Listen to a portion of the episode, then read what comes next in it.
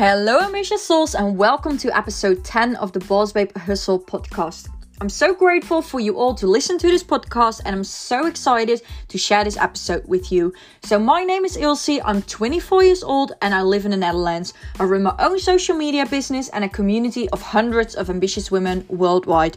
I'm extremely passionate about helping women to step into their feminine energy and coach them on how to become independent in any area of their life. And that's where this podcast is all about. I would appreciate it if you could share a screenshot of this podcast on your social media. That means the world to me. In this episode, we dive deeper into the subject of one of my live videos, which is how to attract your perfect recruit. Let's go. I wanted to talk to you uh, today about how you can attract your perfect recruit because I know it's so difficult for so many people in network marketing to attract their perfect recruit. Like you attract people, people come on your path, people start the business, people quit the business. You attract the wrong people, like the wrong people, and you don't know where to find people who are as motivated as you are. And I'm going to give you some quick tips because in network marketing, I feel it's not about the skills, it's about the will. It's not about how you send a message, it's not about the message itself. You know what it is in network marketing? It's about the vibration vibration you send with that that message. And in my opinion, it I can send each and every single message to people out of here with, but if I send it with the wrong vibration, with the wrong energy and with the wrong intention, I never ever gonna attract the right people. So maybe you think that vibration is something you can't send with a message, but honestly it is. You can send your vibration with a message because your vibration is something we cannot see. We're on a vibration level and we send it when we pop a message. So when you're doing your recruits, when you start with building your dream team and you're like, yeah, this is my power hour and I'm going to recruit and I'm going to get so much people in my team right now. Then what you need to do is first you need to set your intentions. What do you want to get from the power hour? What kind of people you want to attract? What kind of people do you want to surround yourself with? So what are their uh, characteristics? What, who are they? Where where do they live? Uh, what kind of vibe do they have? Please state it down on a paper and visualize yourself with that type of people around you in your team.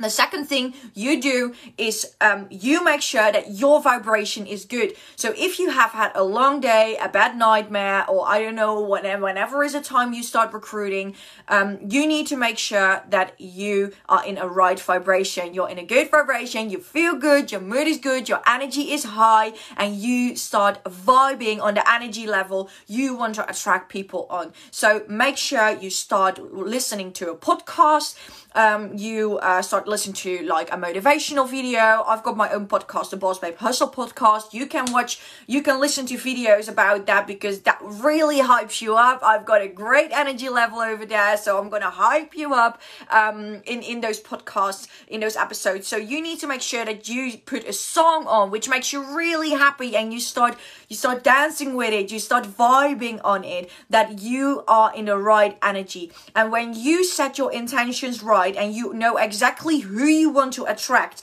And when you in the end have the same vibration yourself then that's a match then you're going to attract those people. Never ever ever Start recruiting when you come home feeling really tired, having a bad day, had a lot of negativity on your path, having bad thoughts, and start recruiting because you need to recruit.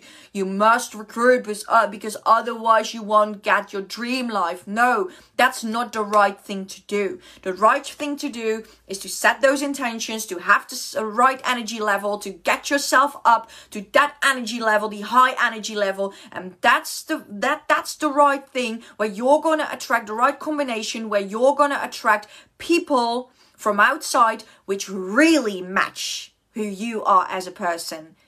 If you're being that negative Nelly, you're going to attract all negative Nellies in your business and that's not what we want.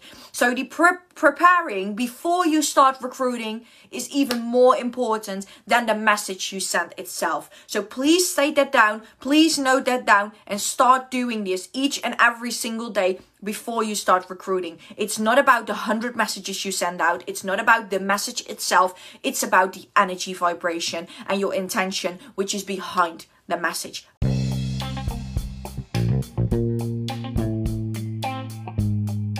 Thank you so much for listening to episode 10 of the Boss Babe Hustle podcast. I would appreciate it if you could share a screenshot of this podcast on your social media.